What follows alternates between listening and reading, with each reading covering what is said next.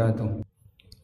الحمد لله رب العالمين والصلاة والسلام على أشرف المرسلين نبينا ومولانا محمد وعلى آله وصحبه أجمعين.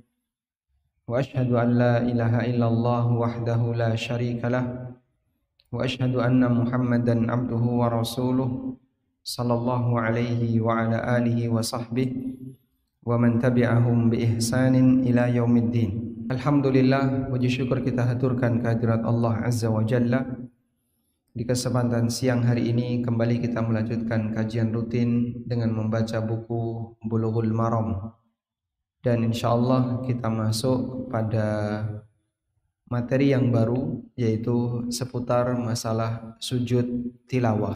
Sujud dalam syariat kita ada empat jenis dan semuanya memiliki sebab yang pertama adalah sujud ketika salat, yang itu merupakan bagian dari rukun salat. Yang kedua adalah sujud sahwi yang dilakukan yang dilakukan disebabkan karena lupa ketika sedang salat.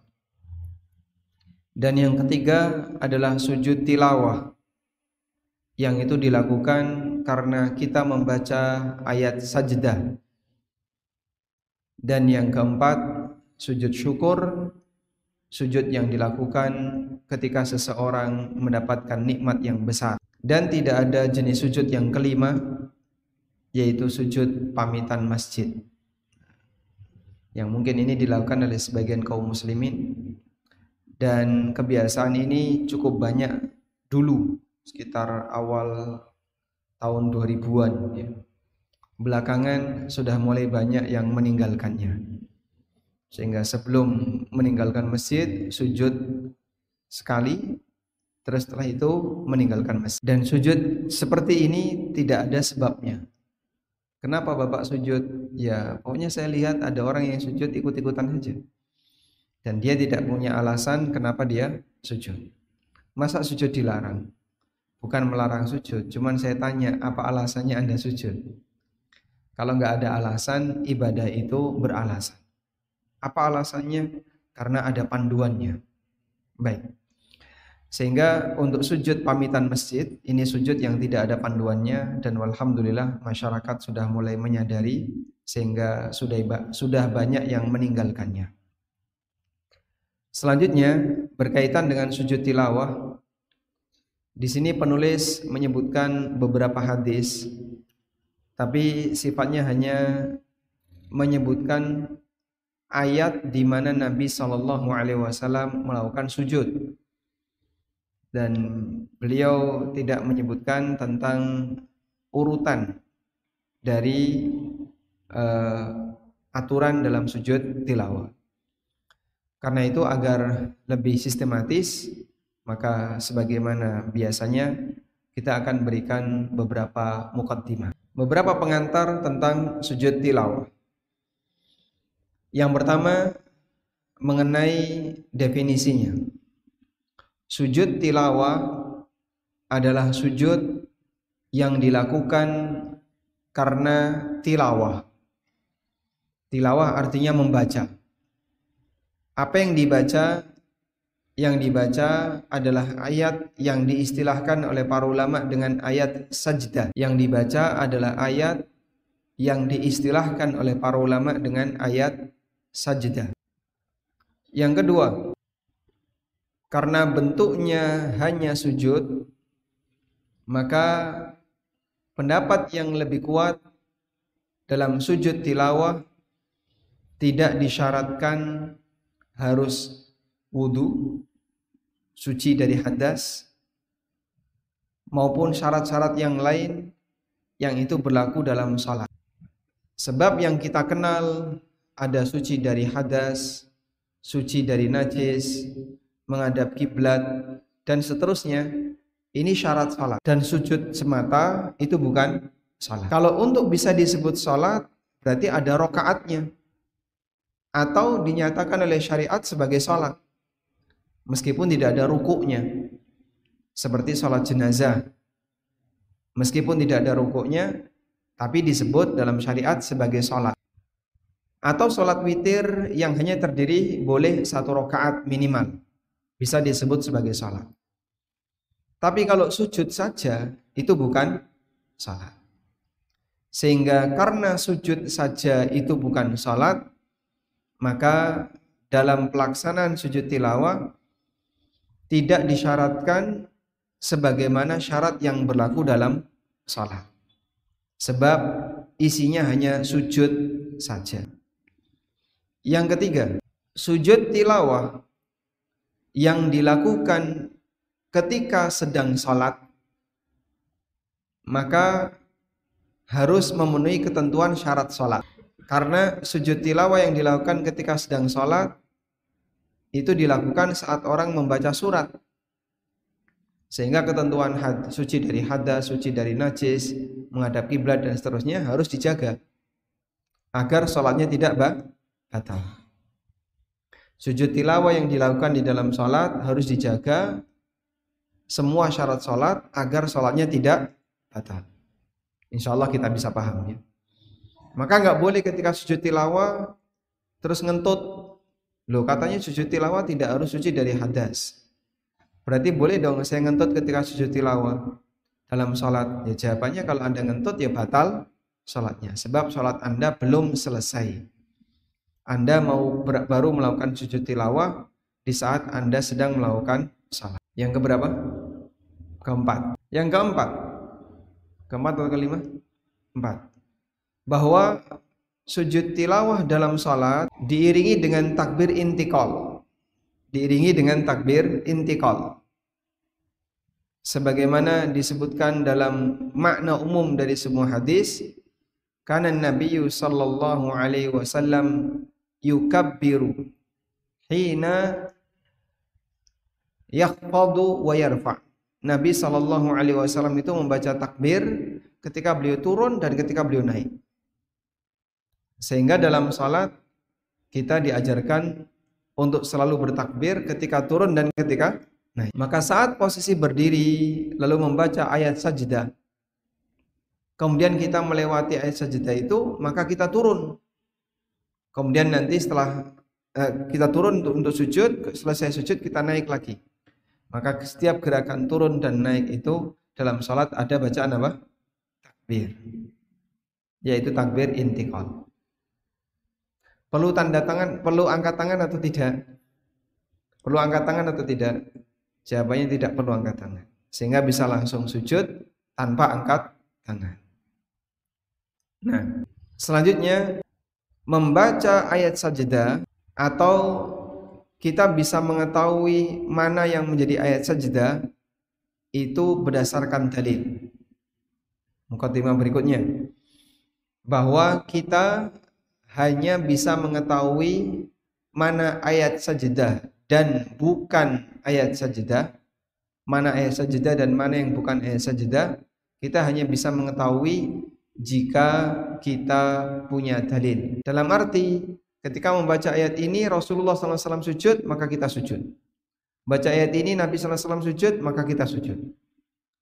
Sehingga letak di mana kita melakukan sujud tilawah itu di luar ijtihad manusia. Ditulis bagian ini ya. Letak di mana kita harus melakukan sujud tilawah itu di luar ijtihad manusia. Sehingga para sahabat mereka tidak beristihad untuk memposisikan sujud tilawahnya. Sebab sujud tilawah yang dilakukan oleh para sahabat mengikuti Nabi SAW. Nabi SAW membaca ayat ini lalu beliau sujud.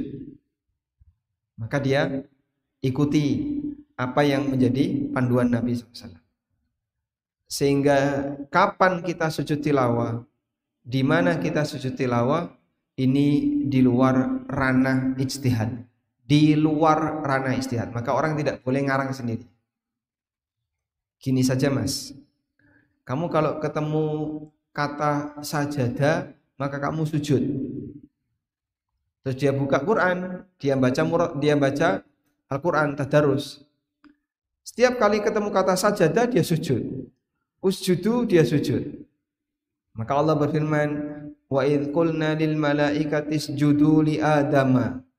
Ketika ingatlah ketika kami menyampaikan kepada para malaikat usjudu li Adam, sujudlah kalian kepada Adam. Fasajadu illa iblis. Maka semuanya sujud kecuali iblis. Terus kita sujud, tidak boleh kayak gitu. Tapi kan ini ada kata sujud, bukan karena ada kata sujud atau bukan.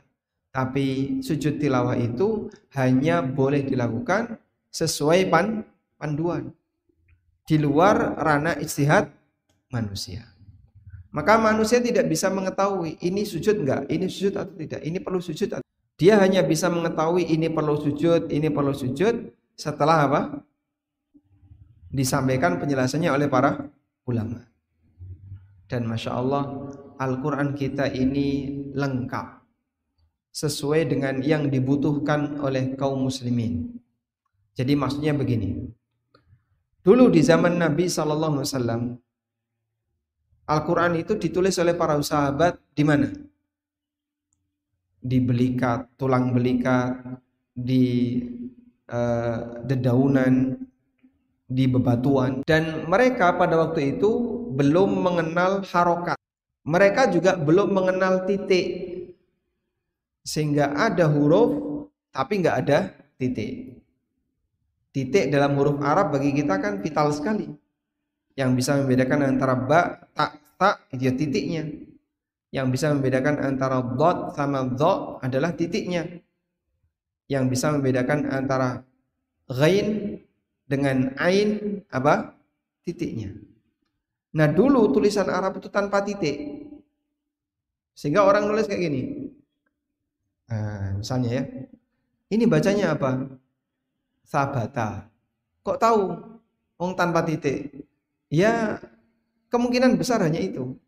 Karena tidak ada tasaba itu tidak ada. Adanya sabata. Nah, kurang lebih demikian.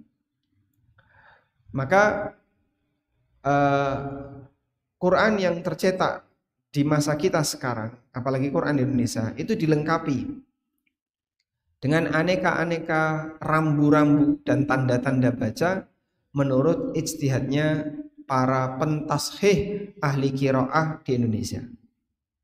Sehingga ditambahi dalam sujud tilawah itu dikasih menara, ya. Dikasih apa? Gambar menara. Kemudian dikasih garis di bawahnya.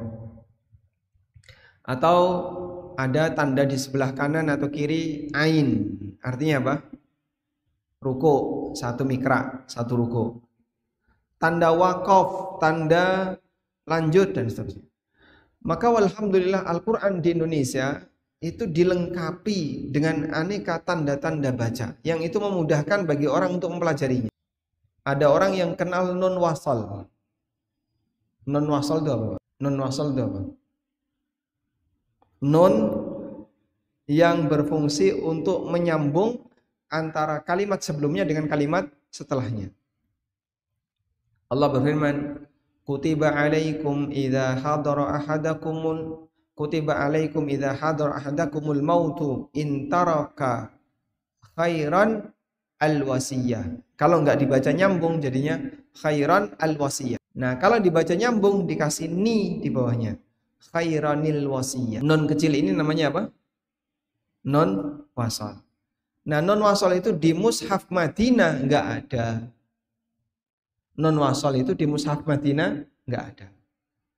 Sehingga mereka yang sudah ngerti non wasol ketika membaca mushaf terbitan Madinah itu seharusnya dibaca niladi dibaca menter saja. Lurus saja, nggak ada non wasolnya. Karena dia tidak membaca tanda bacanya. Sebab di mushaf Madinah nggak ada. Tapi kalau mushaf lokal yang diterbitkan di Indonesia, ya, penerbit Semarang atau Surabaya atau yang lain, Nanti akan disebutkan itu ni di bawahnya. Sebagai pengingat bahwa bagian ini termasuk yang perlu dibaca. Wallahu a'lam. Baik. Sehingga dulu orang tidak tahu dalam mushaf itu sifatnya apa? gundul dan tidak ada titiknya. Tapi kemudian disalin disalin oleh orang dari zaman ke zaman sampai zaman kita sehingga mushaf kita itu lengkap dengan hukum-hukum tajwid. Mushaf kita itu lengkap dengan hukum-hukum tajwid. Itu akan memudahkan orang yang mau mempelajarinya, mau membacanya. Meskipun demikian, sayangnya masih banyak orang yang tidak mau mempelajari Al-Quran. Ikro gak lulus-lulus. Sering mutung. Baleni mana si jilid cici meli. Ikut ikut lagi, baleni lagi jilid jilid satu lagi dan seterusnya. Karena dia nggak serius ketika membaca belajar, belajar uh, membaca Al-Quran. Baik. Sehingga kapan kita sujud tilawah tidak ada uh, tidak ada peluang untuk bisa melakukannya kecuali atas keterangan dari Nabi Wasallam. Sehingga di surat ini beliau membaca sujud tilawah, di surat ini beliau membaca sujud tilawah. Maka itulah yang kita tiru. Selanjutnya yang keberapa? Keenam. Hukum sujud tilawah. Hukum sujud tilawah. Jumhur ulama mengatakan bahwa sujud tilawah hukumnya sunnah dianjurkan dan tidak wajib. Sujud tilawah hukumnya anjuran dan tidak wajib. Pendapat jumhur mengatakan sujud tilawah hukumnya sunnah dan tidak wajib. Pendapat yang kedua mengatakan bahwa sujud tilawah hukumnya wajib. Sehingga orang kalau melewati ayat sajadah dan dia tidak sujud tilawah maka dia berdosa. Dan pendapat yang kedua ini adalah pendapat Hanafiyah. Pendapat Imam Ahmad dalam salah satu riwayat dan pendapat yang dipilih oleh Syekhul Islam Ibnu Taimiyah bahwa sujud tilawah hukumnya wajib. Apa dalilnya? Dalilnya adalah firman Allah Subhanahu wa taala. Wa idza quri'a 'alaihimul Qur'anu la yasjudun. Ketika dibacakan Al-Qur'an kepada mereka la yasjudun, mereka tidak sujud. Sehingga ketika mereka tidak sujud saat dibacakan Al-Qur'an, maka kaum muslimin sujud ketika dibacakan Al-Qur'an. Dan juga Nabi Shallallahu alaihi wasallam terkadang sujud tilawah, lalu ada yang sujud dan ada yang tidak sujud. Sebagaimana keterangan yang disampaikan oleh Rafi dari Ibnu Umar radhiyallahu anhu. Innallaha lam yafrid as-sujuda illa an-nasha.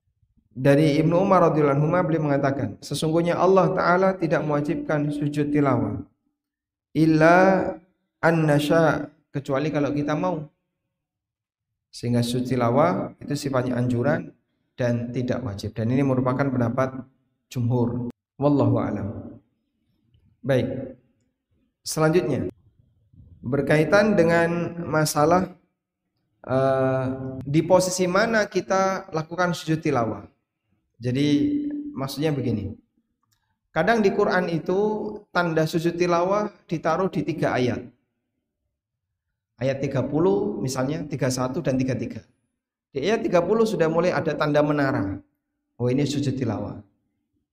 Terus kita baca terus sampai masuk ayat, masuk hari yang kedua, eh, masuk apa? Ayat yang kedua, maka dalam posisi ini kita belum melakukan sujud tilawah. Sampai nanti di ujungnya ada tanda menara yang terakhir. Di situlah kita melakukan sujud tilawah. Jadi kalau misalnya ada tiga ayat dari depan sampai akhir, nanti sujud tilawahnya di mana? Di mana? Di akhir. Coba misalnya kita kasih contoh ya. Kita kasih contoh. Um, Allah Subhanahu wa taala berfirman di surat Sad faghfarna lahu dhalik.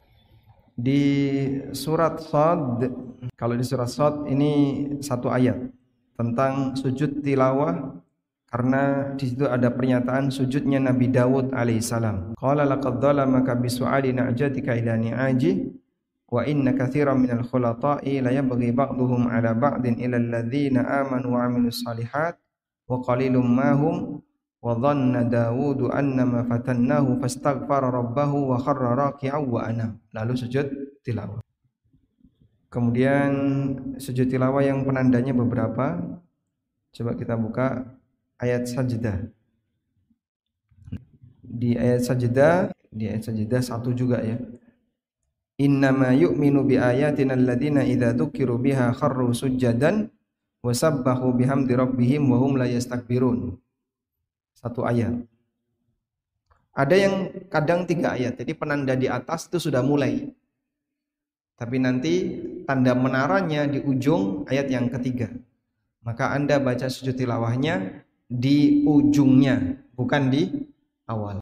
Wallahu a'lam. Taib. Selanjutnya catatan berikutnya berkaitan dengan sujud tilawah. Apabila kita membaca ayat sajdah dalam posisi kita tidak bisa sujud sempurna. Misalnya di kendaraan. Maka sujudnya bisa digantikan dengan isyarat. Kita ulang, apabila kita membaca ayat sajdah dalam posisi kita tidak bisa sujud tilawah, maka sujudnya bisa digantikan dengan isyarat. Kata An-Nawawi rahimahullah, Misalnya kita baca Al-Quran di mobil atau di kendaraan, di pesawat, ya. lalu melewati ayat sajadah. Maka silahkan sujud tilawah dengan isyarat.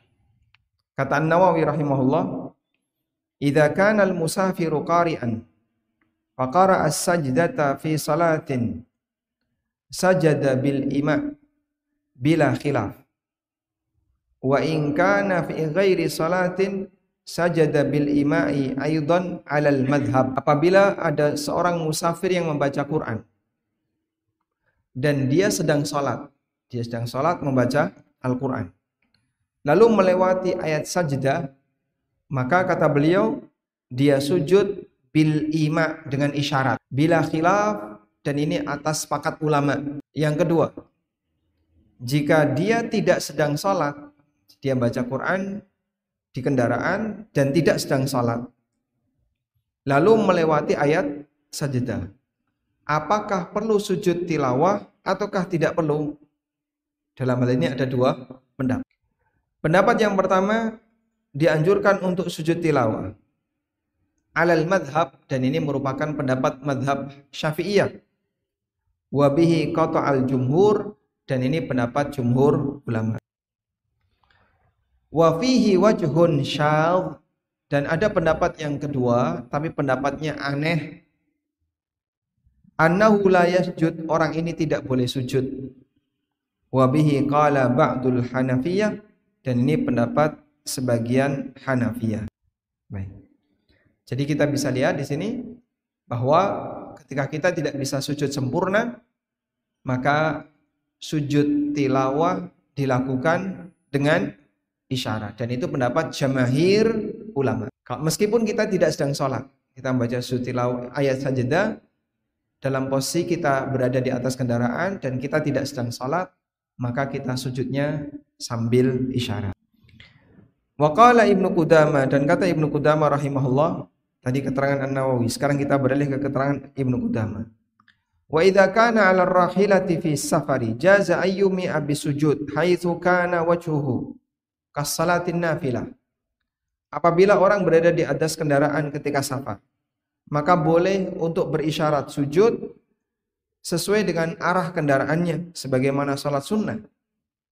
Fa'ala dzalika Aliun dan ini pernah dilakukan oleh Ali, Sa'id bin Zaid, Ibnu Umar, Ibnu Zubair, Ibrahim An-Nakhai, atau bin Abi Rabah dan ini merupakan pendapat Imam Malik, Imam Syafi'i wa ashabur ra'yi dan para ulama ashabur ra'yi yaitu ulama-ulama Kufah wala na'lamu fihi khilafan dan kami tidak mengetahui adanya perbedaan dalam masalah ini. Wallahu alam. Sehingga sujud tilawah bagi mereka yang baca Quran di atas kendaraan dan tidak memungkinkan sujud di tanah, maka dia bisa sujud dengan apa? Isyarat. Nah, selanjutnya keutamaan sujud tilawah keutamaan sujud tilawah.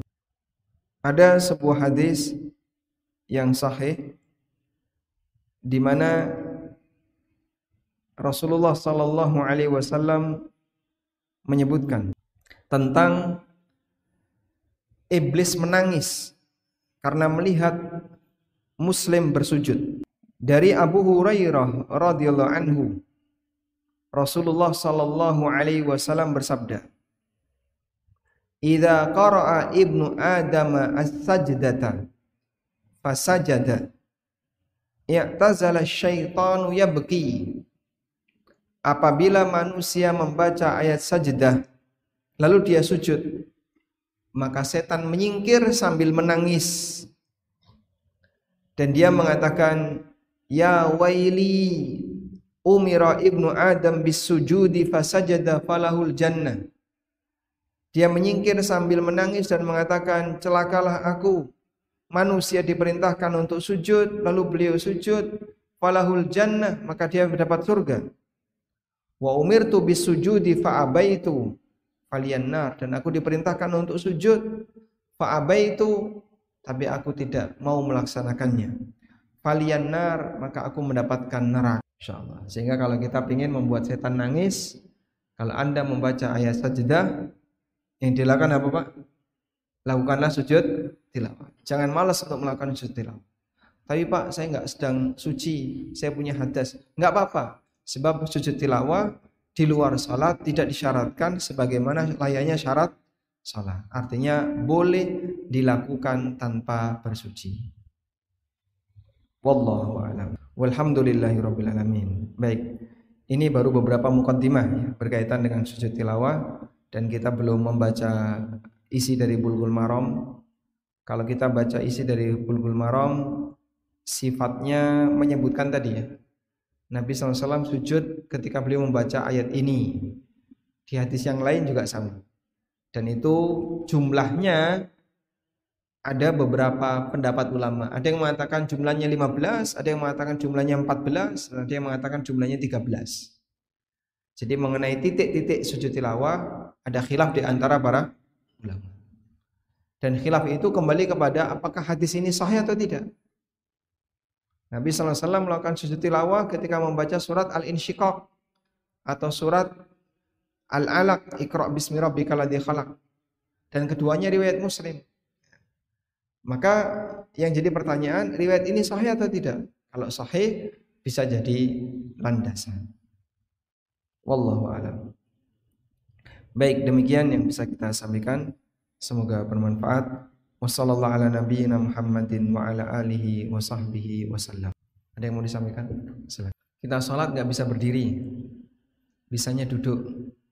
Yang abdul pakai kursi atau duduk di bawah. Kalau duduk di bawah bisa, dua-duanya bisa. Baik. Duduk di bawah bisa sujud? Bisa. Apabila duduk di bawah bisa sujud, maka yang lebih afdol duduk di bawah dan duduk di bawah dianjurkan dalam posisi bersila. Sebagaimana kata Aisyah radhiyallahu anha, kana Nabi sallallahu alaihi wasallam idza shalla jalisan jalasa mutarabbi'a. Nabi SAW ketika sholat sambil duduk, beliau duduknya mutarabbi, duduk bersila. Sehingga jenengan ketika baca uh, apa Al-Fatihah atau membaca surat maka diupayakan duduknya bersila. Wallahu a'lam. Ada lagi? Cukup insyaallah. Baik, mungkin demikian yang bisa kita sampaikan dan insyaallah di pertemuan berikutnya nanti tinggal kita sebutkan di posisi ayat mana saja Nabi SAW melakukan sujud tilawah dengan cara dan mukaddimah yang tadi sudah kita. Wassalamualaikum warahmatullahi wabarakatuh wa akhiru da'wana alhamdulillahi rabbil alamin. Subhanakallahumma wa bihamdika asyhadu an la ilaha illa anta astaghfiruka wa atubu ilaik. Wassalamu alaikum warahmatullahi wabarakatuh